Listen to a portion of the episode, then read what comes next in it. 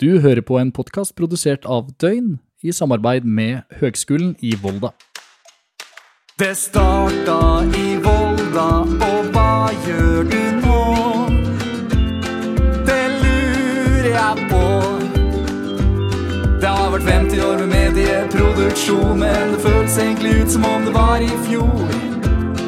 At det starta i Volda. Emil Gukild og Simon Nietzsche, det starta i Volda, og nå er dere med på nettopp den podkasten. Fordi det starta for dere også i Volda. Yes! Yes! En ære, en glede. Hjertelig, hjertelig velkommen. Tusen takk. Hvordan, eh, hvordan går det? Hvor er det dere befinner dere? Er det nedstenging og Oi, mista vi den? Nei, der er den! vi sitter på Zoom her, så det plutselig så datt det ut, Emil, men nå er du tilbake. Jeg ble ringt, men jeg eh, la på med en gang. Jeg er her. Nydelig. Um, hvor er det dere befinner dere? Hvordan er eh, stemningen? Er det hovedstaden på begge to? Nei, det er jo ikke det. Simon er i, Simon er i Bergen, eh, vel, og jeg sitter i min leilighet eh, på Sagene i Oslo, så det er eh, god stemning. Det er jo VM i alt mulig rett rundt hjørnet, i alpint og skiskyting og langrenn og hopp og kombinert. Så både Simon og jeg er nok litt inne i sånn VM-boble nå. Ja, du sier du sitter i Oslo, men du ligger jo vitterlig på sofaen din og Det virker som om du ikke har en kreftig igjen i kroppen, eh, liksom. Jeg eh, anser meg selv som litt mer fremoverlent eh, her i Bergen.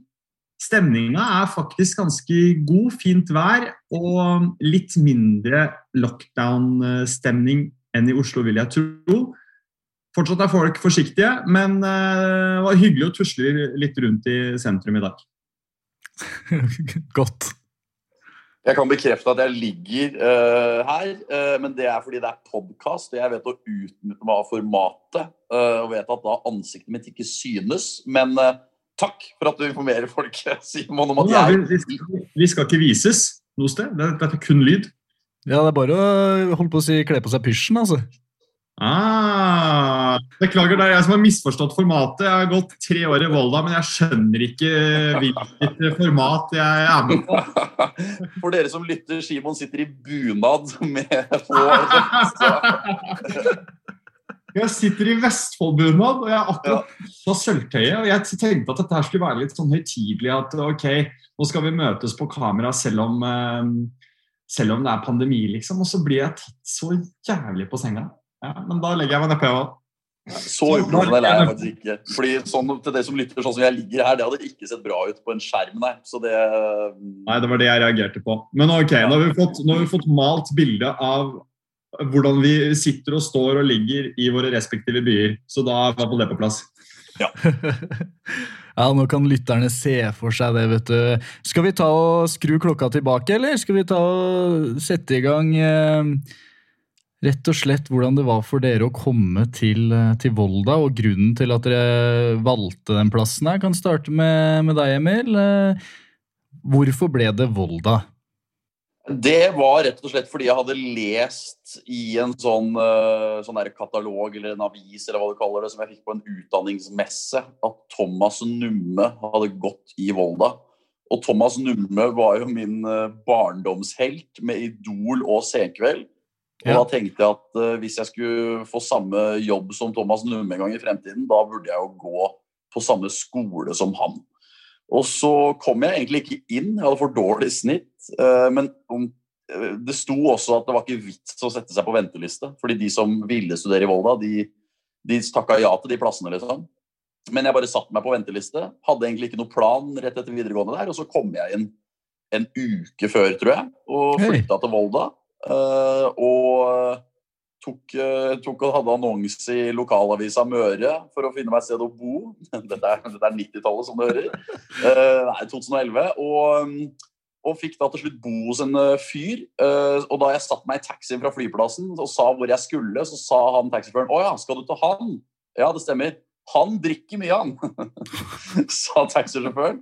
Og dette var en skalla fyr, men han hadde utrolig mange sjampoflasker i Altså, jeg bodde hos en voksen mann. Hadde et rom hos en voksen mann. Og så kom jeg meg inn på Heltene etter hvert. da. Ikke at det var et veldig mye bedre sted, men da bodde jeg i hvert fall alene. Um, Nå, nå, Og så- hva sa du? nå dater du fortsatt han voksne mannen. ikke sant? Vi er sammen og har adoptert to barn. Men, uh, og så husker jeg på hva skal jeg si, åpningsseremonien uh, i Berthe Kanuttehuset. Da så jeg en fyr med røde bukser og ganske store boots, som da var Simon. da. Og tenkte at Han så ut som han var på min alder, kanskje. Og så var vi på fylla en av de første kveldene der og ble kjent. da. Så det er det jeg husker av starten på Volda.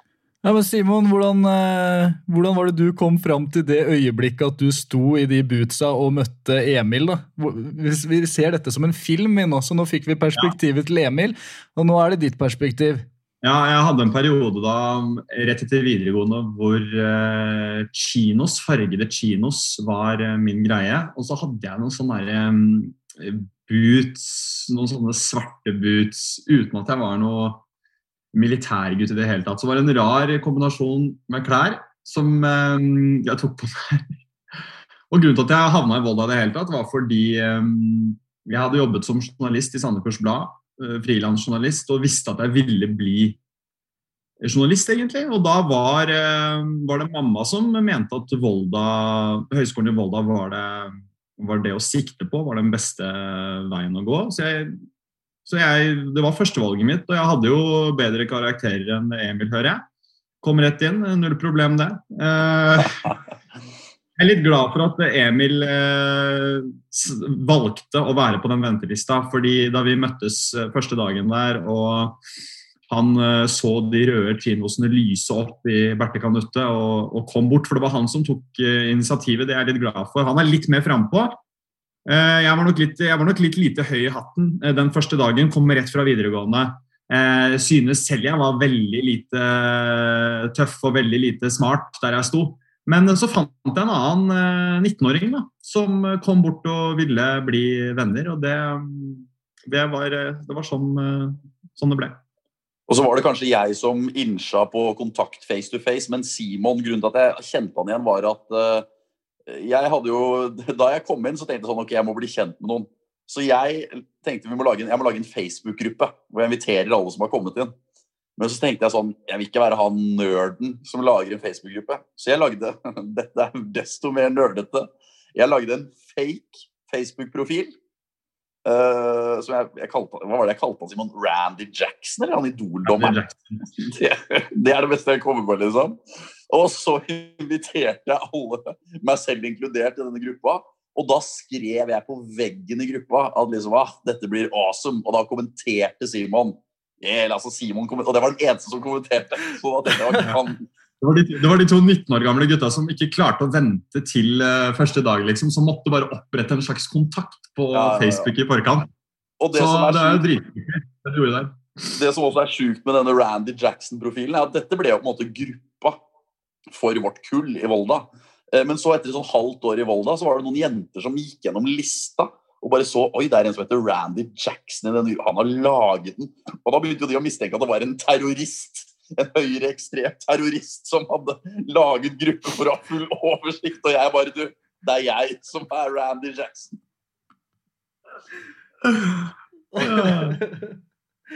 altså, du hører jo at eh, det var to um, litt tente unge gutter som uh, fant veien til uh, Vestlandet. Og der begynte kjærlighetshistorien mellom Simon og Emil. Ja. Ja, nydelig. Og så var det, var det rart da, å komme med begge to kom fra Oslo til en liten bygd med fjell og fjord. Jeg syns, det var litt lite, fordi jeg hadde masse kamerater som valgte å bli egentlig værende i Oslo-området og studere i Oslo. Og akkurat da så syns jo jeg, jeg kommer fra Sandefjord, som jeg opplevde som et litt lite sted. eh, og jeg dro på en måte til et enda mindre sted. eh, med det ene utestedet, den ene butikken og og veldig fort alle kjenner alle-stemning, og umulig å gå på Kiwi uten å ha liksom small talk-ambisjonen klar. Så det kjente jeg bitte litt på, men så fant jeg jo veldig fort sjarmen i det. da. Og så var jo alt så billig, og det husker jeg at jeg tenkte eh, Jeg satte ikke nok pris på hvor rimelig det var eh, med husleie. og liksom Jeg kjøpte alle møblene mine, eh, mine på europris og syntes det var helt rått. Og jeg er jo en fyr som er bygget og oppvokst på tilbud. Så jeg kom jo til på en måte tilbudets og bruktmarkedets lille mekka. Og jeg tror jeg hadde fått en tøffere start på livet rett og slett som student i Oslo. Eh, så det vil jeg si at det var, spilte meg god, da. Er enig, Emil? Ja, det var jo rart. Eh, Simon kom fra Sandefjord, jeg kom fra Moss. Det er jo to byer på ca. samme størrelse. Eh, og så flytter man til Volda, og jeg husker jeg reflekterte rundt det, for jeg hadde noen venninner som flytta til London og studerte. Og jeg følte jeg hadde flytta like langt hjemmefra. Og på en måte at overgangen var like stor. For jeg, det hadde jo tatt like lang tid for meg å komme meg hjem fra Volda som det hadde tatt for en venninne å komme seg hjem fra London.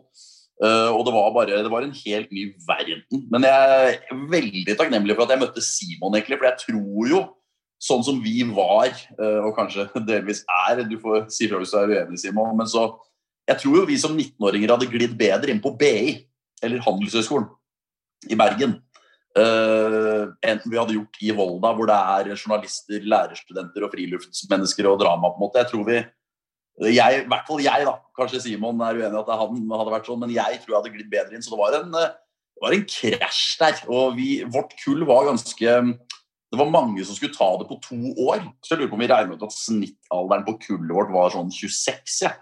og vi var 19. Så det var jo litt sånn det var, det var, mye. Det var flytte hjemmefra, flytte til et lite sted, uh, være ung uh, og bare kanskje ikke helt passe inn i starten her før man fant, fant seg sjæl, liksom. Ja, nei, jeg skjønner hvor du vil. Eh, de fleste av mine kompisene begynte jo på BI. Så følte jo jeg at det var, det var jo ikke helt for meg heller. Og Emil, du er jo mye mer sånn i det um, Hva skal jeg si eh, Det kreative Du er en mer kreativ fyr som er dårlig i matte. Ja, ja, altså, nå er jo ikke jeg dårlig i matte, men altså, ja, Du er en P-matteelev du også, er du ikke det? Altså Faglig sett så er det ikke tvil om at Volda var det perfekte stedet for oss. Jeg bare snakker om miljøet. Sånn, ja, men Det som var så bra med Volda fortsatt er, er jo at det er veldig rom for alle. da.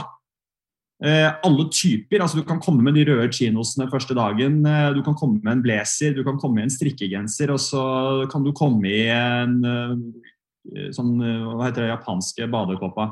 Kimono? Ja. ja, ja. Kimono. Og likevel så sitter alle i et av de husene etterpå og finner fellesnevnere. da. Det er sant. Det er sant. Så synes jeg det var veldig bra at de som var litt eldre enn oss også omfavnet på en måte den 19-åringen som du ser bare rister av uh, usikkerhet. For det, det, gjorde jo jeg litt eh, første dagen der. og og syntes folk var fryktelig voksne. Og noen hadde bachelor fra før av, og det var bare helt uh, insane. Så de, de, Alle ble liksom en gjeng, selv om aldersspennet var, var litt bredt akkurat på, eller litt stort aldersspennet akkurat på vårt kull, kanskje, Emil?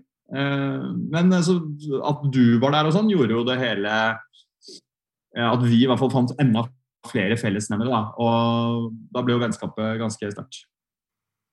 Så Thomas Numme fant uh, sin Harald Rønneberg? Ja, det er ikke dum. Bortsett fra at Harald Rønneberg i Thomas Nummes uh, liv uh, gikk på BI på eiendomsmegling. og vi møttes ikke i Volda, men ja, hvem av oss er eiendomsmeglerne, Emil? Det er vel kanskje meg, men jeg tror det er, det er, en bra beskrivelse av det. Jeg, jeg, men jeg tror det viktigste var jo bare at man fant Som sagt, Simon er fra Sandefjord, jeg er fra Moss. To ganske like byer. Samme avstand til Oslo. Eh, samme verdier i familiene våre. Samme humor. Eh, ja. Selv om vi er forskjellige på mange måter, er det veldig mye likt også. Da. Det er flere, flere mennesker som har eh, møtt meg, eh, altså venner av Simon som har møtt meg, og venner av meg som har møtt Simon, og så har de tenkt sånn Å ja, så det er der du har det fra, at man snakker på den måten eller gjør ditt eller datt. Så, mm. så, vi er jo like på en del områder som eh, sikkert var en stor trygghet eh, når man flytta hjemmefra i så ung alder. Ja. Hvordan, hvordan utarta fadderuka seg, da? når for nå, nå, er vi tilbake til øyeblikket hvor du møter Simon i disse røde buksene. Så sier du 'hallo'. Er du klar Altså, jeg, turte, jeg turte faktisk ikke å si hei til Simon da han sto der i de røde buksene. Jeg tror jeg først, Vi var på hver vår faddergruppe, og så turte jeg først uh, ganske full på rocken. Tror jeg Simon og jeg liksom første gang virkelig prata sammen. Men det beste beskrivelsen av vår fadderuke Simon, er jo et bilde som vi liker å poste på hverandres vegger på Facebook på bursdagene våre. Og det er et bilde under fadderuka, dag én eller to, hvor det er volleyball som er aktiviteten bort på de volleyballbanene. Og Simon og jeg vi står på sidelinja en meter ifra hverandre. Da tror jeg ikke vi har sagt hei, kanskje. Jeg vet ikke. Vi Nei, det, er, det, er, det, er et, det er et stillbilde av uh, oss u, før vi møttes, før vi hilste. Og det her er en video, en sånn uh, oppsummeringsvideo av fadderuka. og Da har jeg funnet en frame. Og jeg har tatt printscreen av den framen, og da er det tydelig øh, bilde av Emil og jeg som står nesten rett ved siden av hverandre uten at vi kjenner hverandre. Og, og ikke spiller volleyball. altså Vi står på sidelinja og holder hver vår øl med høye skuldre. Skuldrene er faktisk høye. altså De er fysisk høye på begge to. Og så, så vi, og så er vi så utrolig Det bildet sier så mye, da. For det sier så mye om to gutter som bare ikke har turt å spørre kan, kan vi også være med på volleyball. Vi har ikke blitt husvarme nok. Vi er ikke friluftsmennesker nok. Jeg står i røde chinos, og Emil står i ullblazer, liksom. Altså, han har bodd fullstendig på dresscode. Vi er ute, det er solskinn. Det er sånn piknik i parken-stemning. Og han står i, han står i blazer. Fyren bommer fullstendig. Jeg står i blazer og har sånn John Lennon-sveis. Vi er, er helt Altså, jeg er enda mer offside enn deg, men begge to er, vi er på trynet vi er helt på trynet. Så det bildet er gøy. For det viser hvor eh, usikker en eh, 19-åring kan være. Altså, Erlend, altså, Erlend, bare at du ler så mye bare at vi har beskrevet bildet, det sier også mye, da, fordi det altså, jeg pleier ikke å Jeg pleier ikke å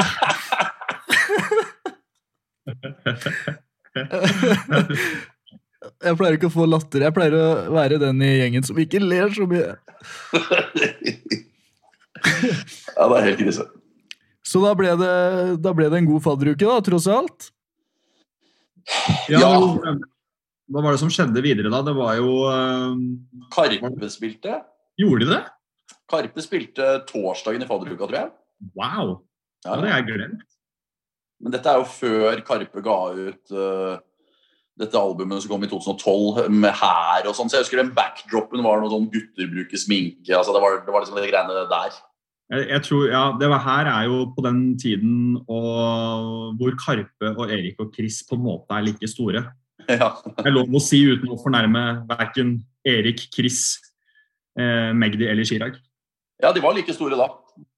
Eh, og så, mm, ja det, det, fordi Erik og Chris var jo der samme semester. Litt senere. Honoraret der var så innmari mye Så det var, det var en bra fadderuke, men eh, det var liksom Det var noen sånne introklasser, og man ble litt kjent, og Det var mye Det er, det er mange inntrykk sånn masse. Ja.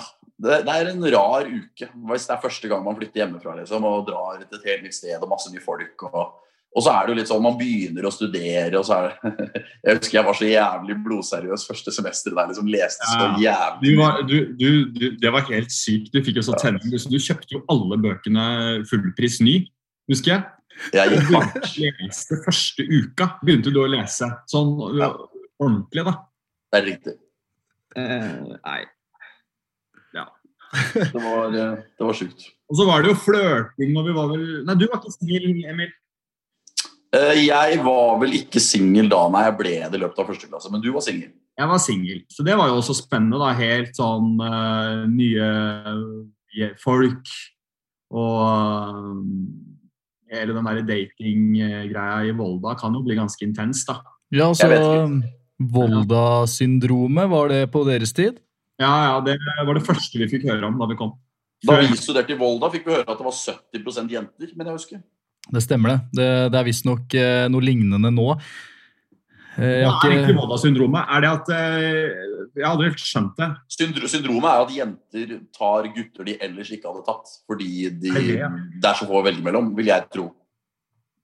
ja, altså Definisjonen på Volda-syndromet Jeg vet ikke om det er sånn at de har en egen eh, Facebook-side, at jeg kan søke det opp.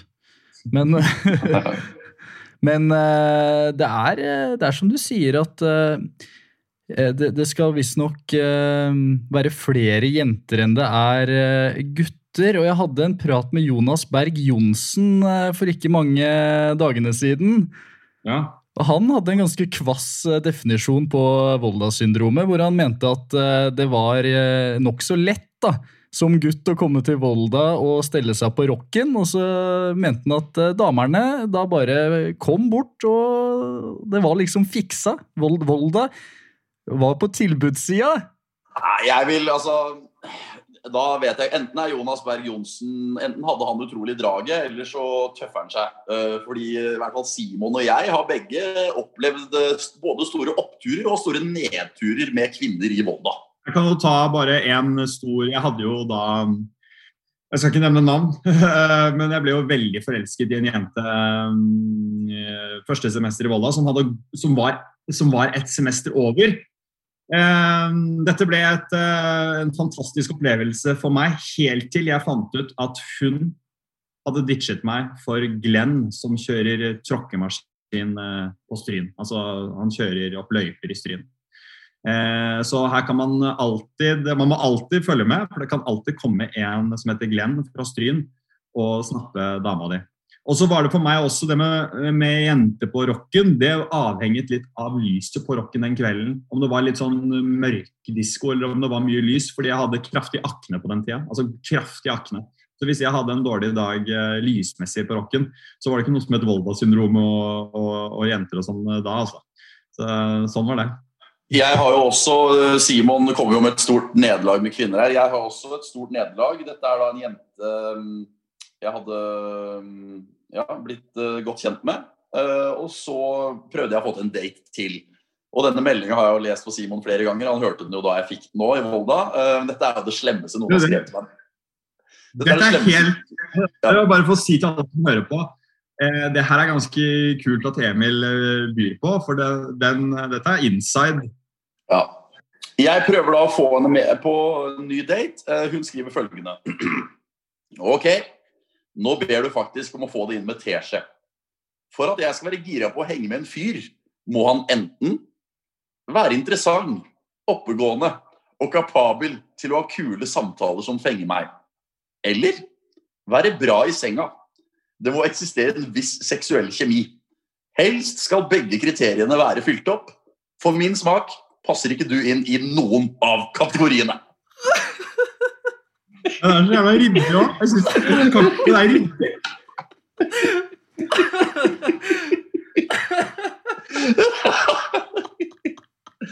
Oi, den er helt sjuk. Hun gir liksom to båser, da, men hun finner ikke plass til deg i noen, på en måte. Det Det er, jeg, er ikke, jeg er ikke interessant eller oppegående og kapabel til å ha kule samtaler. Eller god i senga. Eller det er ikke kjemi der heller. Så det er bare, det, det er i, helst skal begge være fylt opp. Her er ingen av delene fylt opp. Hva sier du nå, anonym tekstmeldingsjente? Nei, det, det hadde vært eh, en, en interessant episode. Altså, jeg gråter. glede opp det. Nei, så Simon og jeg vil bare understreke at Jonas Berg Johnsen, vi kjenner jo fyren godt. Ja, kanskje han eh, fikk det til i Volda. Simon og jeg hadde våre glory days i Volda, by, men det var også motgang. Så det er egentlig trøst til alle som hører på. Alle opplever motgang i Volda, og samme om det er mye jenter der. Ja, jeg støtter meg på den, altså. Ja, men Det er godt å ta med seg eh, når det kanskje går litt eh, trått i, i skiløypa. Ikke sant? altså, Da snakka vi om eh, nedturene, men eh, disse oppturene, da, gutter. Jeg kom til Volda, og jeg ble introdusert for uh, ting dere hadde gjort tidligere. Oi, så kult. Hva da? Nei, det var dette opplegget med disse musikkvideoene. da. Var det Tuborg og Hansa, var det? Hansa og Tuborg der, ja. Ja, stemmer. Det, ja, det var Bakgrunnen for den er jo Egentlig lagde vi jo den derre Vi hadde, vi hadde litt sånn som deg, da. Vi hadde jo vors på fredag. Det het vårt radioprogram. Å ja! Mm. Så det er Det- radioprogrammet? Ja, og istedenfor vors med VORS, så kalte vi det vors med FORS. Så kule var vi. Eh, og så lagde vi jo da i forbindelse med den musikkvideo hvor vi fikk med Thomas og Harald og masse folk. Ja, Du skissa med hun Guri Solberg òg? Stemmer. Og så skulle vi jo lage flere musikkvideoer. Vi fikk jo tenning på dette. Og da, dette er en seriøs samtale mellom Simon og meg. Hvor Simon mener vi må lage en sang om noe folk liker. Og det er jo en bra idé. ikke sant? Altså, det må være noe folk liker, sånn at de vil høre på. Det, kan jo, det er jo en teori som funker. det. Altså, Nicolay Ramm sin raske briller. Det er jo fordi folk syns det er kult med raske briller, i tillegg til at den er fengende. liksom. Også, men vi traff kanskje ikke like godt, for da var vi sånn ja, hva er det folk liker? liksom? Så er det sånn ja, øl, da. Og så bare Hansa Tubor, eller? Det er sant. Det, er, det var sånn det var, Simon. Det, det, det var den samtalen vi hadde. Ja. Så våre raske briller er på en måte raske karbohydrater, for å dra en parallell. Den låta er jo ganske middels, men Sim, både Simon og jeg har opplevd å være på fester, ikke i Volda, men andre steder i landet, og så har den sangen kommet på, og så har det vært sånn ah, flaut, nå skal noen drite oss ut. Og så er det sånn å ja, de vet ikke at det er oss. Oi! Det er ganske fascinerende. Mm. Så um, den hadde fotfeste i noen russemiljøer for fire-fem år siden, tror jeg. For da lå den litt og slura på noe viral eh, topp 50 Norge-liste. Spotify. Eh, nå er den jo helt borte, eh, og det er jo et eh, makkverk, eh, som jeg vil si. Men den er jo liksom Jeg tror kanskje, jeg håper at den, den kan på en måte være litt sånn eh, eh, kult. eh, Både den og Vors på fredag-låta kan være et sånn kultprodukt fra Volda. fordi det viser jo bare to uh, unge studenter som har lyst til å lage musikkvideo, som er inspirert av The Lonely Island, som på den tiden var uh, de beste i verden på eh, parodiske eh, humorlåter, og så med en kul video til. da, altså Eh, Hansa Tuborg er på en måte en parodi på låta 'Danza Koduro', men også 'I'm On A Boat', som er eh, den Lonely Island-låta med T-Pain. Eh, så, eh, og den Fors på fredag, som handler mye om eh, livet i Volda. Eh, der er jo, den er jo direkte mm, inspirert av den Jack Sparrow. Stemmer ikke det, Emil? Jack Sparrow-låta? Jo, det er jo den melodien, ja. Nei, så Ja. det var um, eh, Og det inspirerte han, ja. Nei, så det var rett og slett bare Det var eh, crazy, crazy opplegg, men uh, gøy å ha gjort. Og så er det faktisk Det er jo ikke vi som har lagt ut uh, Hansa og Tuborg på Spotify, uh, men den har jo over en million streams, så det er jo en eller annen som sitter og tjener penger på vårt makkverk. Det, og det viser jo at alt kan tjenes penger på, uansett Ja. hvor dårlig det måtte være. Og jeg kan eh, bekrefte at det har blitt en, eh, en kultklassiker i den lille Så kult å høre! Nå blir jeg rørt! Jeg blir rørt! Takk for at dere omfavner det litt, i hvert fall. Altså, det kan godt ha ironisk distanse til det, det, det syns jeg dere skal. Men at dere på en måte bare Det her er, det er noe, i hvert fall. Det synes jeg Men er det sant? Kan den komme på på en fest i Volda nå, liksom? Ja, Altså på, på mine fester så kommer den på. Gjør den det? Det er de beste, det er de beste festene. De beste festene.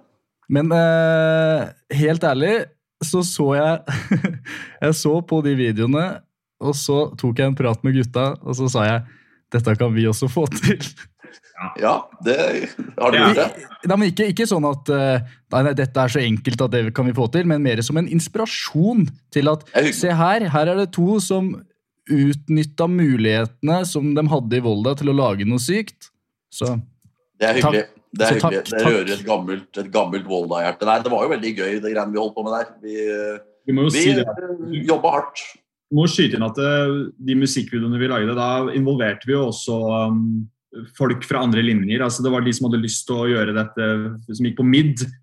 Eh, vi fikk med statister fra alt fra idrett, PR altså Det ble liksom et sånn prosjekt. Ok, hva kan vi få til? Har vi kran? Ja, vi har kran. Har vi drone? Nei. Men uh, vi, hva slags kamera har vi? Uh, hvem kan klippe det? Hvem er best på å etterarbeide, liksom? Og så, det, det ble jo en sånn hvor, hvor bra klarer vi å lage det? Og jeg tror faktisk at vi makset oss selv akkurat på den tiden. Dette er laget i 2011 eller 2012, og jeg tror at eh, vi, jeg er ganske fornøyd med hvordan man har tålt tidens tann egentlig, altså i dag. Men det skal, det skal legges til at selv om eh, den eh, Vors på fredag-låta og Hansa og Tuborg, eh, de kan vi jo se på nå, le av og kose oss med. Men det er jo to låter og musikkvideoer vi ga ut som er slettet fra jordens overflate. Og de Ja. kan vi fortelle litt om, fordi de er ikke like bra. Eh, Det er en låt som heter Jens Stoltenberg. fordi da var jo, Vi tenkte jo videre, hva, hva er det folk liker? Jo, folk liker jo Jens Stoltenberg. Så lagde vi en sang om at vi var kine på å knulle Jens Stoltenberg. Nei. Jo, det gjorde vi. Det er noen ganger at, eh, at eh, redaktøren burde vært til stede, og det, Ja. det var det jo ikke i dette tilfellet her. Jeg, kan bare, kom- jeg må bare skyte inn noen av ingrediensene i denne musikkvideoen. Det er Simon og meg uh, i Ola-shortser og Ola-jakker på rollerblades rundt omkring i Volda. Mens vi synger om det greiene her. Det er veldig homoerotisk. Og det toppes da homoerotisk med at Simon og jeg står nakne i dusjen min på Heltene og kjører altså helicopter dick. Helikopterdick. Nei. Eh, dette, dette, har, dette har blitt eh, produsert, filmet og eksportert ut. Og så har vi noen år senere skjønt at det er på en måte både eh, kanskje sjikanerende, eh, det er eh, kanskje ikke Støtende. Det er støtende. Eh, så da har vi faktisk slettet det. Men jeg, jeg har jo en sånn liten skrekk om at det ligger en fil et eller annet sted Ja. på denne Ja. jorden. Det gjør jo sikkert det, men altså, den, er, den videoen er helt jævlig. og det er sånn, Jeg husker eh, Student-TV i Volda var sånn eh, De mente det var kanskje for drøyt da, at vi sto og kjørte helikopterdykk med sladd i dusjen på Heltene. Så de var sånn eh, Det må sjekkes med, med Steinar, TV-læreren. Og da fikk Simon ansvar, og så sendte han melding bare ja, det er godkjent. Og så spurte jeg sånn ja, godkjente Steinar det? Og Simon bare nei, jeg bare sa det. Husker du det? Ja, jeg husker det. Og så, Det var den ene. Og den andre var da låta 'Standard norsk party'. Men det var ikke, det var ikke, det var ikke Steinar. Det var eh, en annen jeg måtte sjekke med, som jeg ikke gjorde. Jeg skjønner. Den gikk, den gikk aldri gjennom Steinar. Den Nei, det skulle den kanskje gjort. Ja, det skulle den kanskje gjort. Men, eh, men, ja. Nei, det var, men det var ikke Steinar. Det var, det var, jeg tror det var daglig leder i Student-TV som skulle få den. Ikke sant. Den andre låta eh, vi aldri ble gitt ut, var 'Standard norsk party'. Eh, det var rett og slett en låt hvor vi parodierte alle typene på et norsk party. Men den er god. Han som stjeler drikke, og han som kommer seint, og han som er for dritings, og han som prøver seg på alle. Altså parodierte dudes. og vi det som er Den største humoren med den musikkvideoen, er at eh, vi spilte den inn på soverommet til Simon, eller soverommet slash stua til Simon. Um, og alle statistene er eh, Erasmus- Erasmus-studenter. utlendinger. Altså, Husker du det, Simon? Ja, jeg Ja. husker det. Ja. Jeg husker det som det var i går. Ja. Fantastisk tid. Okay. Det var, det var i hvert fall eh, Jeg tror inngangsspørsmålet her var oppturene. ja, ja, det ble en nedtur istedenfor. Det, nei, men det, det, det som fungerte, fungerte i hvert fall. Erlend. Ja, altså, jeg ser på det som, som sagt som store oppturer. eh, I hvert fall de to som ligger ute. De to som eh, har blitt tatt vekk. Det er jo da sikkert eh, greit. Det virker jo som at eh, ingen har sett eh, de groveste versjonene. Dere har jo ordna dere greit eh, med jobber og Vi kom oss, vi kom oss unna. Men hva, hvis vi oppturer, da, Simon, hva, hva, hva var din lykkeligste dag i Volda? Husker du det? Det er et godt spørsmål. Um, Har du fjelltur? Ikke fjelltur. Jeg var for lite friluftsinteressert på den tiden. Jeg var på Rotseturné én gang, og det var ikke den lykkeligste da, dagen min. Sjæl òg. Jeg én gang. Jeg tror det må være en konsertopplevelse. Kaizers Orkestra Har du sett dem live i Volda? på Rocken, ja. Det var fantastisk. Altså, det var sinnssykt. Det var, noen av de, det var blant de siste konsertene Kaizers gjorde. Eh, så De Polizei live inne på Rocken der, var, eh, det var fett. Det var dritfett. Er det sant? Ja, det er sant, ja. Sitter ikke her og ljuger om det. De polizei, de polizei Polizei. Ja, det var gøy. Å, fy flate, vet du. Det er et, et av mine altså, verste Holdt på å si mareritt. eh, Det er at jeg ikke har sett Kaizers live, og at du har sett dem her i Volda. Nei, fy fader, jeg kan ikke se det for meg engang. 250 kroner tror jeg det kosta. To eller 300. Så det var jo Men jeg, jeg skal skyte inn også et annet lykkelig øyeblikk. var eh, da Bonnie M kom til Volda og skulle ha en konsert. Det er eh, da du får, du får fylle inn, Emil. Det er bandet som har eh, skrevet, eller som står bak låter som uh, Daddy Cool, Sunny uh, Ja, altså alt bra disko. Men da var det bare Emil og jeg som egentlig hadde lyst til å gå, for dette var midt i uka. Så da tok vi og kjøpte oss vodka. Eh, billig vodka på Vinmonopolet i Volda. Satte oss på hybelen hos meg og vorsa bare vi to. Og så gikk på konsert på en onsdag, liksom, og uten å bry oss noe særlig om hva som skjedde dagen etter. Og jeg tror det var, det var litt de øyeblikkene der jeg husker best. da. Eh, det var skikkelig gode tider. Ja, det var frihetsfølelse. Å se Bonnie M på en uh, ukedag i Volda, så var det bare dere to som Vet du, jeg hadde ofra hele uka jeg, for å se Daddy Cool live. Ikke sant? Ja, det var gøy. Det, var, nei, det er- det er konsertopplevelser Det er konsertopplevelser man kanskje husker best. Min, min sterk, altså, det er jo kanskje en av de sterkeste dagene i mitt liv. Det er jo den dagen jeg fyller 20. Uh, så da hadde vi jo nettopp hadde, ja, vi hadde, hadde, Jeg lurer på om vi hadde gitt ut uh, Ja, vi hadde gitt ut vors på fredag, så vi var litt høye på den at det hadde gått så bra. Det var gøy. Og så fyller jeg 20, og jeg er jo VK-sjef da. Eh, så jeg sier til hun som er bandansvarlig på denne lørdagskvelden Hun er bandansvarlig for DDE. Så sier jeg si fra til Bjarne Brøndbo at VK-sjefen kommer til å stå på første rad og fylle 20. Og så sier hun ja, ha, ha, ha. Og så har jeg besøk av fire-fem kompiser fra Moss. Og Simon er også med. Og Hans Christian Rangnes, hans andre som er med i den Vors på fredag-videoen. Vi vorser hos han Hans Christian. Drar på eh, DDE. Og jeg er så psyko-full og lykkelig og 20 år gammel. Og så blir jeg Det eneste jeg husker, er at Bjarne Brøndbo bare peker, og jeg blir løftet Det er så fullt på rocken at jeg må bæres opp, liksom, for jeg kan ikke presse meg gjennom. Og så får jeg synge rumpa mi med Bjarne Brøndbo. Og så tar uh, Bjarne Brøndbo drar i gang 'Ja, må han leve'. Så jeg har bare et minne at jeg står dritings og bare ser utover et stappfullt rocken og bare hører bursdagssang. Og så sier jeg i mikken jeg har fått 'Skal vi ta det går likere nå?' Og da sier Bjarne Brøndbo 'Du må ned nå'. Og så går jeg ned.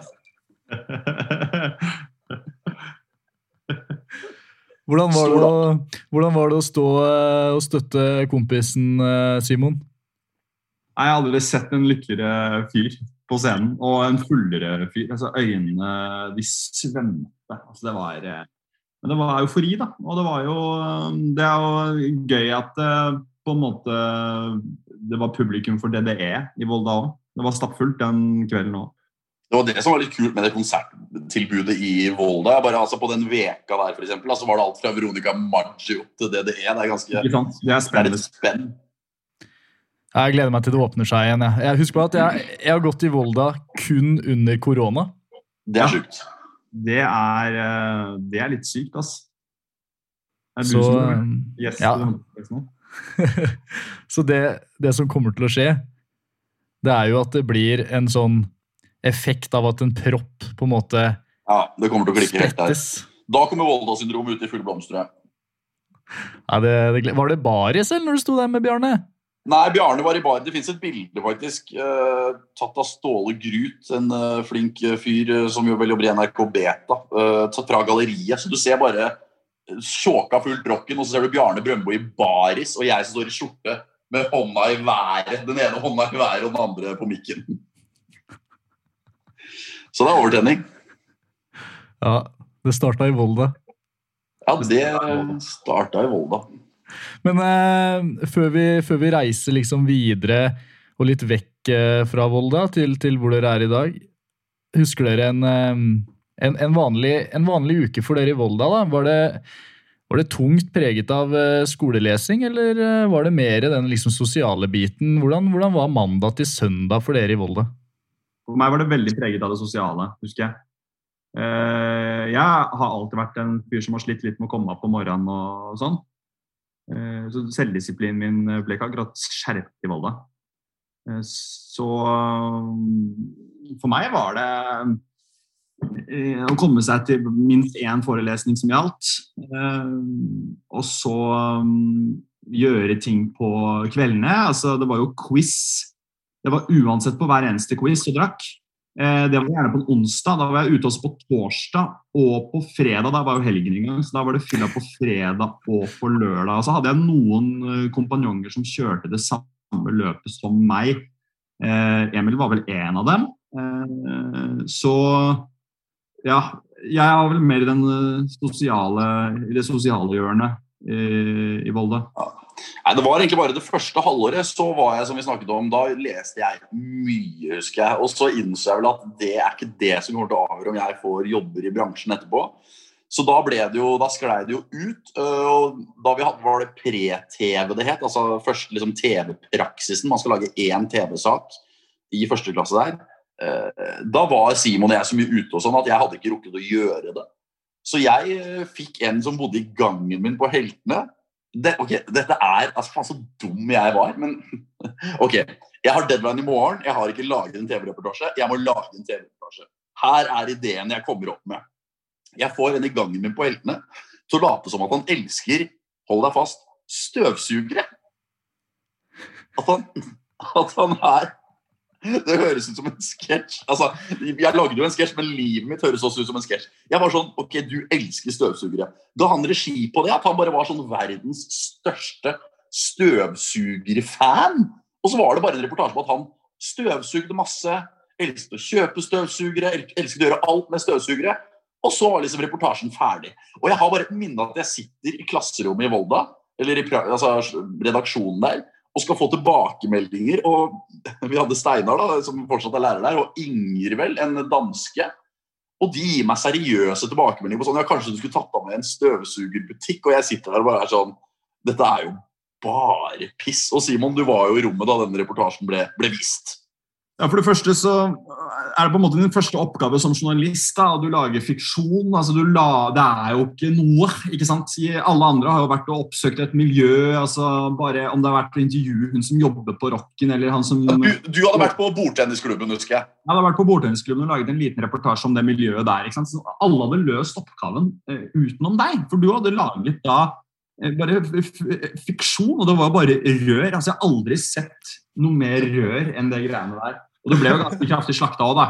Det skal jeg at Du fikk konstruktive tilbakemeldinger, men det var vel også litt sånn her, ok, eh, men hva, hva, hva er det som skjer her, på en måte? Det, Men det skal, det, skal, det skal jo legges til også at uh, Simon og jeg altså nå, nå kaster jeg deg under bussen nå, men altså, jeg var klart dårligst på pre-TV. Men etter første klasse så ble jo Simon og jeg kalt inn på sånn elevsamtale. Og da er det først meg inn. Øh, og da får jeg beskjed fra hun læreren sånn Kanskje du bør finne på noe annet? Studere noe annet. Wow. Og så går jeg ut til Simon og sier øh, Er nedfor, da? Fordi det er jo en, Husker jeg kjøpte meg en sandwich-is og satt meg utafor Riva Raasenbygget der og var lei meg, liksom. Og så kommer Simon ut fra sin samtale. Ja, hun mente jeg burde begynne på folkehøyskole. Så det var bare Vi, vi ble ganske slakta i første klasse der, altså. Det var ganske harde tilbakemeldinger. og jeg husker, eh, Det er jo litt interessant å høre for de som går TV nå, men sånn som det var da, var at vi hadde en ganske streng, eh, men veldig flink dansk lærer. Og um, da, Vi kunne stå til langt utpå kvelden og spike og spike og spike om og spike om fordi det ikke var godt nok. og Vi ble satt eh, midt i kantina eh, da det var lunsjtid og skulle rapportere derfra. Da var det også ganske sånn klare, tydelige tilbakemeldinger på om det var godt nok. Var det, var det presist nok språk? Var det eh, godt nok observert? Godt nok rapportert på disse tingene her? Da. Så, eh, og da, som Emil sier, i den, eh, i den sånn tilbakemeldingssamtalen for å oppsummere semesteret, så sa hun eh, til meg men du hadde nok kanskje hatt godt av et år på folkehøyskole eller to før du begynte å studere, da. Og det som da stakk ekstra med den tilbakemeldingen, var at Simon og jeg hadde jo laget et talkshow på Student-TV, fire episoder, Kveld på bygda, og en fast spalte eller en fast innslagsserie i Kveld på bygda var Folkehøyskolen, hvor vi egentlig dissa folkehøgskole. Ja. ja. Så burde vi kanskje gått her selv. Ja. Fikk vi sånn fortjent. moralen er vel at eh, vi flate som vi vokste på de årene der. Ja, altså, mange, mange ser nok på Volda som en folkehøyskole, òg, lite grann. Det er litt folkehøyskoleviben. Jeg gikk på folkehøyskole før jeg kom til Volda, og nå føler jeg at dette er en videreføring av folkehøyskolelivet. Skjønner hva du mener. Ja, absolutt. Eh, morsomt at du nevner den støvsugehistorien, fordi jeg prata med Steinar, Er det sant? og, og da spurte jeg Steinar. Nei! Nei. Jeg, jeg spurte Steinar Steinar, har du, har du, noe på Emil eh, uh, Gukild? Har du noe som jeg kan liksom ta med meg til samtalen med han? Og da, da sier Steinar Å, Han lagde en forferdelig dårlig eh, reportasje om en støvsuger.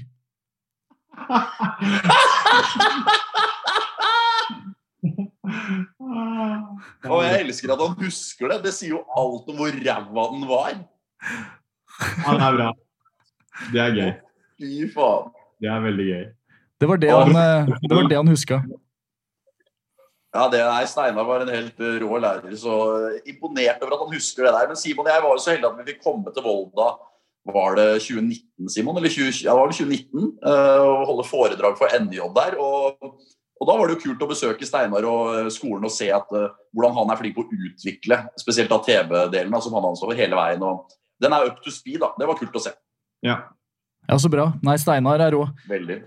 Skal vi prøve å komme oss litt eh, skal, vi- skal vi komme oss uh, videre? Altså reisen videre. Det er jo interessant for oss uh, studentene å høre hvordan dere to, um, fra alt det dere har snakket om nå, klarte å forme en karriere. Ja. Jeg er litt overrasket over selv, egentlig. Nei, vi var jo Vi studerte jo i Volda sammen. eh, Ett år i Volda, halvt år sammen på utveksling i Los Angeles, vi to. Og så Oi. var vi jo egentlig litt et halvt år i Oslo og jobba mens vi studerte i Volda. Nytt halvt år i Volda, og så halvt år i Oslo igjen. Og så var vi ferdige. Og hva gjorde du da, Simon? Jeg eh, hadde min første jobb i Dagbladet-TV, og kom inn der. Eh, egentlig litt tilfeldig. Jeg hadde, hadde en eh, ung sjef i Dagbladet-TV som så noe i meg og tenkte ok, han kan jeg forme litt som jeg vil, og så ga han meg muligheten. Og det, det jeg gjorde da, var å på en måte deske og legge ut katte- og hundevideoer, altså de søte dyrevideoene som eh, VG og Dagbladet har vært så kjent for i mange, mange år. Så min første nyhetssak eh, hos riksmedia altså, Dette her serverer jeg da folket som en nyhet. Dette her er den første eh, reportasjen jeg har byline på, som ligger på dagbladet.no. Og det er overskriften. Tenk hvis alle kattunger var like søt som denne. Da stiller jeg spørsmål til det norske folk. Tenk da, hvis den, alle kattunger var like søt som denne. Og da er det en video av en liten kattunge som ligger oppå brystet til en ganske overvektig mann. Og den videoen varer i 15 sekunder. Eh, og så er det 15 sekunder reklame før det. Så det, det var eh, min første jobb. Og ja, jeg, jeg tror eh, karrieren min er i hvert fall eh, veldig preget av at jeg starta gradvis.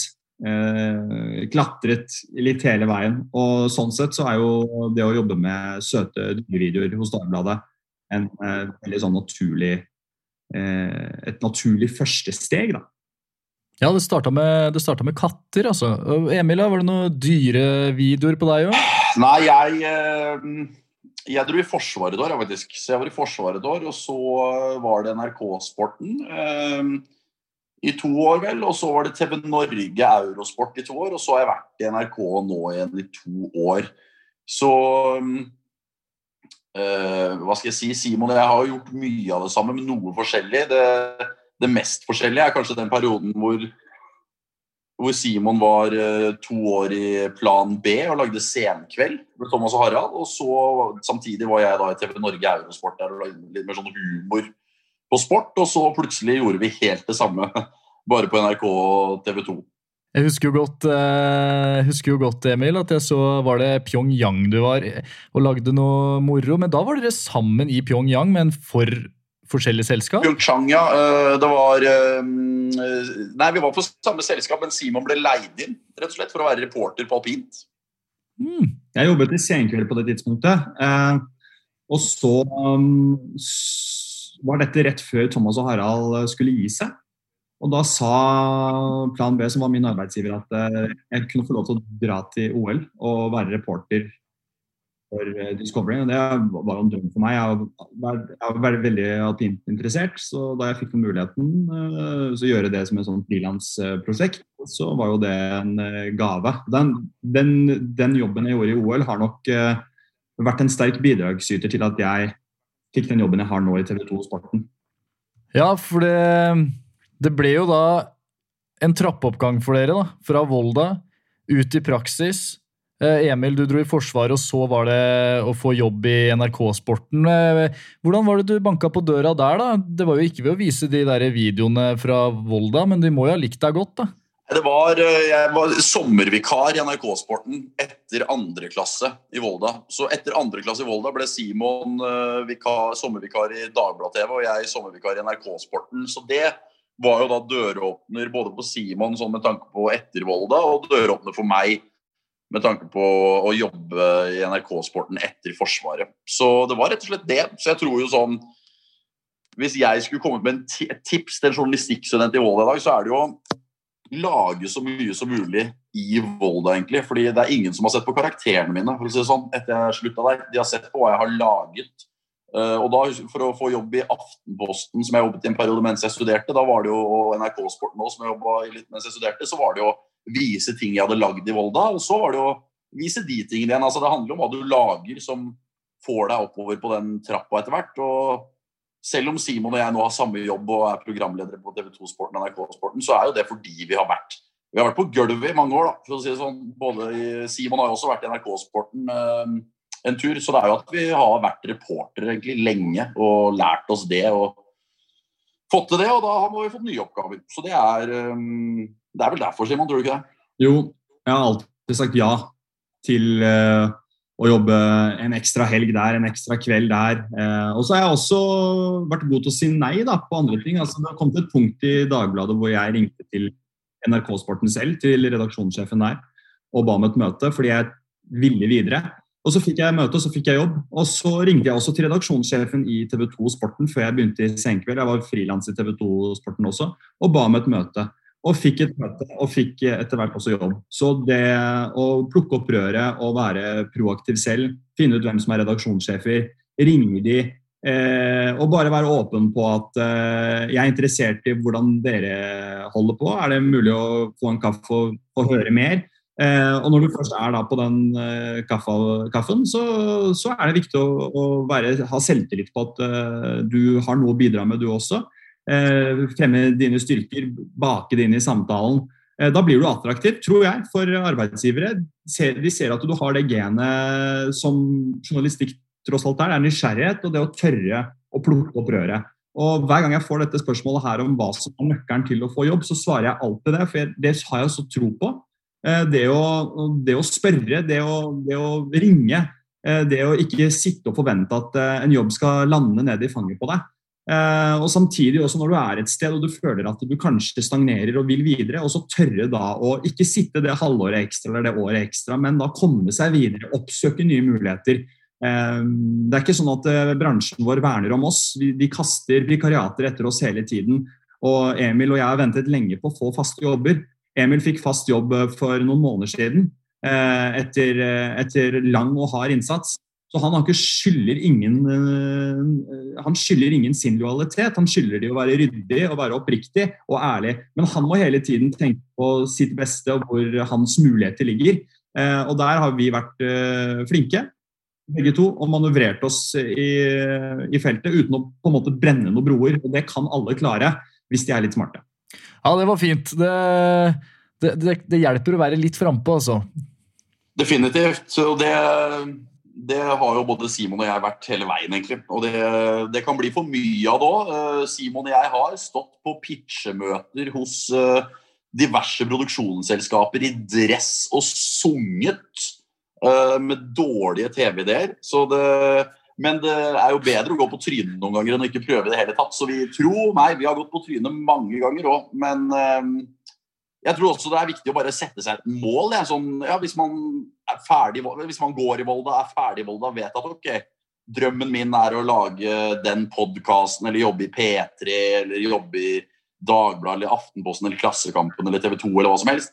Ha et klart mål, for da tar man jo valg ut ifra det målet.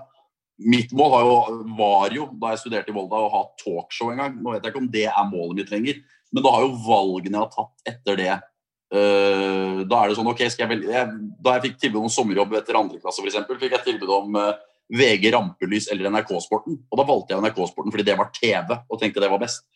Uh, så det handler om å måte, ja, sette seg et mål, jobbe hardt og være på, som Simon sier. Og så, så ordner det seg. Det, sa, det, husker jeg fra første forelesning vi hadde i Volda. At det er vanskelig å få seg jobb som journalist, men det er alltid plass til flinke folk.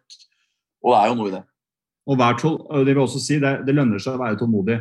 Altså jeg, jeg har hatt perioder hvor jeg ikke har hatt jobb innenfor journalistikken. Og da har jeg jobbet uh, i forskjellige eventbyråer og stått, på, stått i Karl Johans gate og delt ut gratisprøver, liksom. Selv om jeg har vært utdanna journalist. Og nå sitter jeg i en trygg, fast jobb uh, som sportsanker på TV 2. Og, og jeg, jeg, jeg, er så glad for at da jeg sto på Karl Johan der, så uh, hata jeg ikke på livet likevel. Jeg tenkte at ja, ja, men nå er det litt sånn, liksom. Og det er viktig å ikke la seg, la seg stresse for mye, selv om det skulle være noen måneder eller et halvt år eller til og med et år hvor det er litt, litt andre ting som skjer. Fordi ja, det, det gjelder å ha litt is i magen, altså.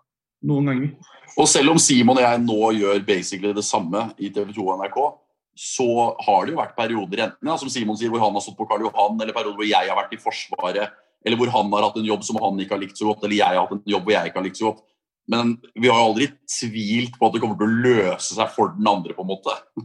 Og alltid unna hverandre det beste òg, så det har jo vært fint også, da. Og det er jo fint for oss i dag òg, spesielt siden vi har samme jobb, da.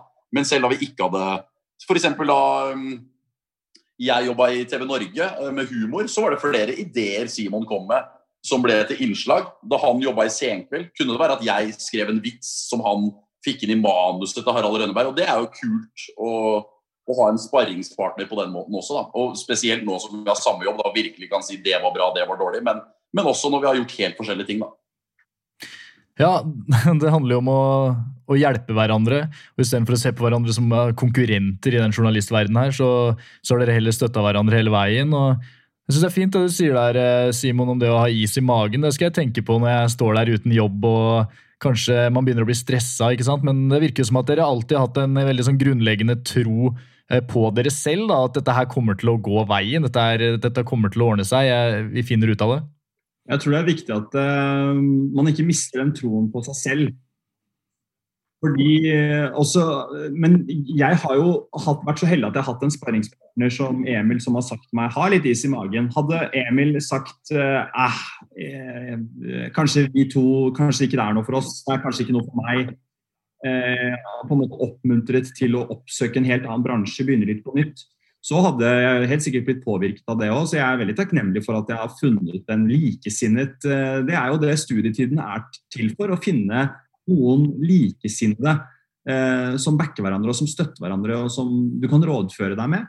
Eh, og, og oppi alt det også, så må du ha troa på deg selv og bare ha litt is på magen, rett og slett. Ja, det, men det starta i alle fall i, i, Volda for dere to. Dere møtte hverandre, og den reisen har vært viktig. Og det, jeg, jeg, visste ikke det når jeg kontakta dere begge to hver for én, så visste jeg ikke at dere to hadde et så godt eh, vennskap. Det syns jeg var morsomt når da Simon sendte meg melding tilbake og så sa han eh, Jeg og Emil, vi er bestevenner. Det har vært en seksåring som skrev det. Nei, men vi, eh, vi er bestevenner. Vi, vi, har, vi, har, jo hatt jævlig mye kontakt siden vi møttes i Volda der for eh, ja, nå er det jo snart ti år siden. Så det er sjukt. Men uh, ja, jeg er ikke en det, Sånn er vel du òg kanskje, Simon. Men uh, jeg er ikke en som nødvendigvis Det er jo ja, nå roter jeg meg bort. Det er jo begrensa hvor mange gode venner man får i voksen alder, kanskje. Uh, men uh, Simon er jo definitivt en av mine beste venner, og vi snakker jo sammen om alt hele tida. Og det samme om det er jobb eller privat eller ja, hva som helst. Jeg har det på samme måte, og du er jo den som er mest lik meg når det kommer til det og den, eh, ja, det, og den uh, karriereveien jeg har valgt. Da. Så det blir jo en, Vi har en ekstra kontakt på det, og den sparringen vi gjør, er jo uvurderlig. det er liksom litt av greia med studietiden. da, At du, du, oppsøker et nytt miljø, andre enn de vennene du fikk, fikk i barndommen. Og så finner du på en måte en, eh, en likesinnet i studieretningen, i yrkesretningen. Så, Der gikk eh, dessverre Mac-en eh, tom for strøm. Amatørtabbe som ikke skal skje igjen. Resten av episoden ble spilt inn på en eh, annen Mac med litt dårligere lyd, men jeg håper dere har likt episoden så langt. Erlend er tilbake! Erlend er tilbake. Deilig. Jeg ble, altså, jeg ble så nervøs. Uff a meg. Men uh, du fikk lagra det. Hvis ikke så må vi jo bare ringes en annen dag og gjøre det akkurat det samme på nytt. Ja, du er veldig hyggelig at du sier det, men uh, det, det, gikk bra, altså. Ja, men så bra. Nei, men ikke nøl med å, å Jeg har opplevd det å ikke trykke på rekk før, jeg. Altså. Jeg vet hvor jævlig vondt det kan være. Uh, så da vil jeg i hvert fall være en type som kan tilby tjenestene mine på nytt. da.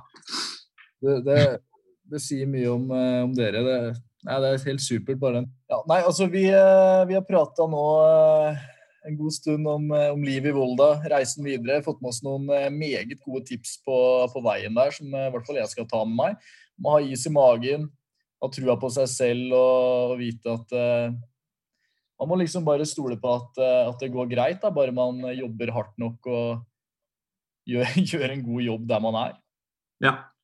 Alltid, alltid ha et mål å jobbe mot og bare tro på seg selv og kjøre på. Og så er det som Simon sier, det er uh, han er 29, eh, jeg blir 29 eh, om noen få uker. Det er, ikke, det er ikke mange årene eller månedene vi har vært eh, fast ansatt og i de posisjonene vi er nå. Og vi slutta i Volda for snart sju år siden, så det, det, har tatt tid. Men så har vi ikke sittet hver dag vi har hatt vikariater og hatet på det. Fordi da blir det slitsomt. Mm. Så um, ha, en, ha en, sånn ro rundt det. Ikke, ikke liksom gjør deg selv mer stressa enn det du trenger å være. Fordi det er ikke altså, eh, vi, vi, har ikke stressa ett sekund med å være vikar. Jeg tror den som har vært stressa for at jeg har vært vikar, er farmora mi. Ellers har jeg ikke brydd meg ett sekund om at jeg har vært vikar. Det er, ikke, det er ikke noe som har endret seg i mitt liv eller arbeidshverdag etter at jeg ble fast ansatt. Pensjon, da. Men, ja. Pensjon og bedre lønn, men du skjønner meg. altså sånn Ellers så er det ikke noe livet mitt. Bare et, bare et helt basic sikkerhetsnett i samfunnet som fagforening og pensjon. Men altså, bortsett fra det, ingenting, da. Men altså Helt basic velferdskoder, men, men, bortsett fra det, ingenting, da. Ja, Simon har vært litt stressa for å være vikar, men jeg er naiv og dum og har bare levd lykkelig i ignoransen, og det har gått helt fint.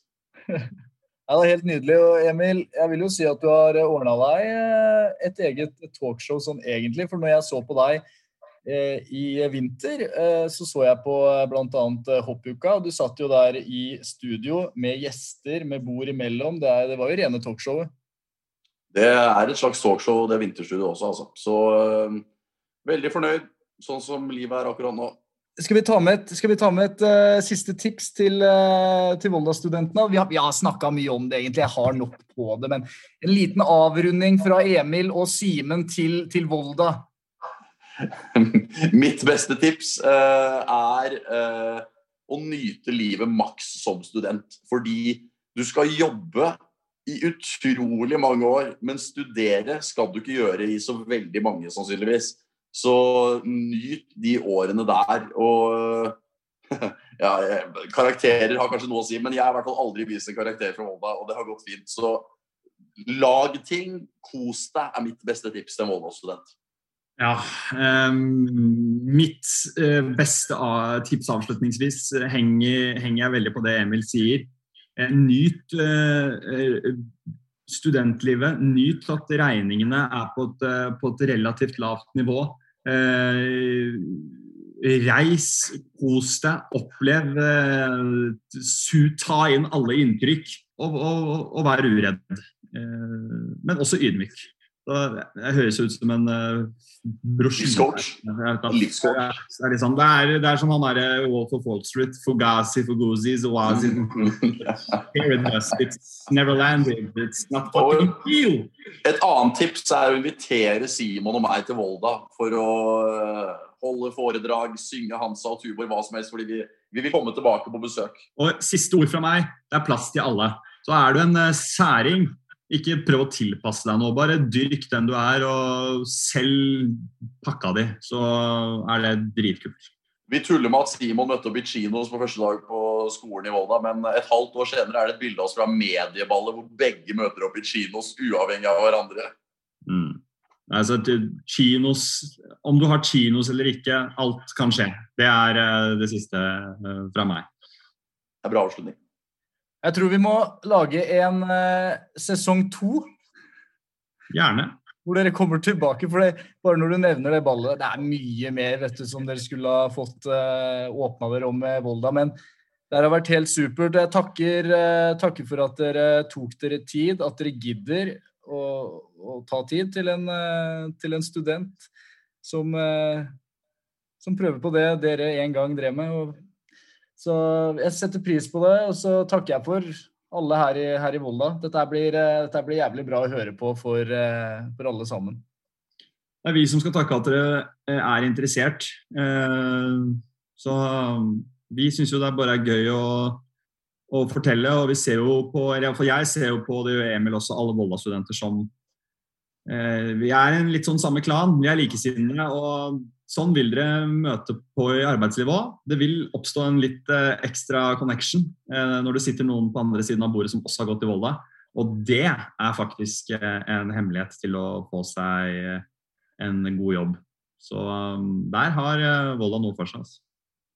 Absolutt. Masse takk for praten, Erlend. Masse lykke til. Kos deg, Volda. Nyt livet. Ikke, ikke bruk for lang tid på å klippe den podkasten her. Kom deg ut og ta deg noen øl. Ja, så kan alt altfor mye råstoff. Altså, han, han, han har så mye drit han skal klippe i nå. Altså, jeg, jeg, må bare beklage. Jeg veit hvor slitsomt det er å få eh, 70 eh, rør. Beste. Her har jeg opptaket. Altså, Jeg holdt på å pisse på meg når det skrudde seg av i stad, men nå står det svart på hvitt 1 time og 3 minutter. Deilig. Så ok, jeg kutter nok det ned til eh, sikkert jeg vet ikke, halvtime, 40 min. Og så, ja, og som sagt, tusen hjertelig takk, gutta. Det betyr mye for meg. No problem. Ring når som helst hvis det er noe. Så du slette, skulle du slette fila, så ringer du opp igjen. det er vel snilt, ass. Nei, lykke, lykke til videre. Lykke til. Boys. Vi ses i bransjen. Ha det. Du har hørt en podkast produsert av Døgn i samarbeid med Høgskolen i Volda. Programleder var Erlend Arnesen. Det starta i Volda, og hva gjør du nå? Det lurer jeg på. Det har vært 50 år med medieproduksjon, men det føles egentlig ut som om det var i fjor. At det starta i Volda.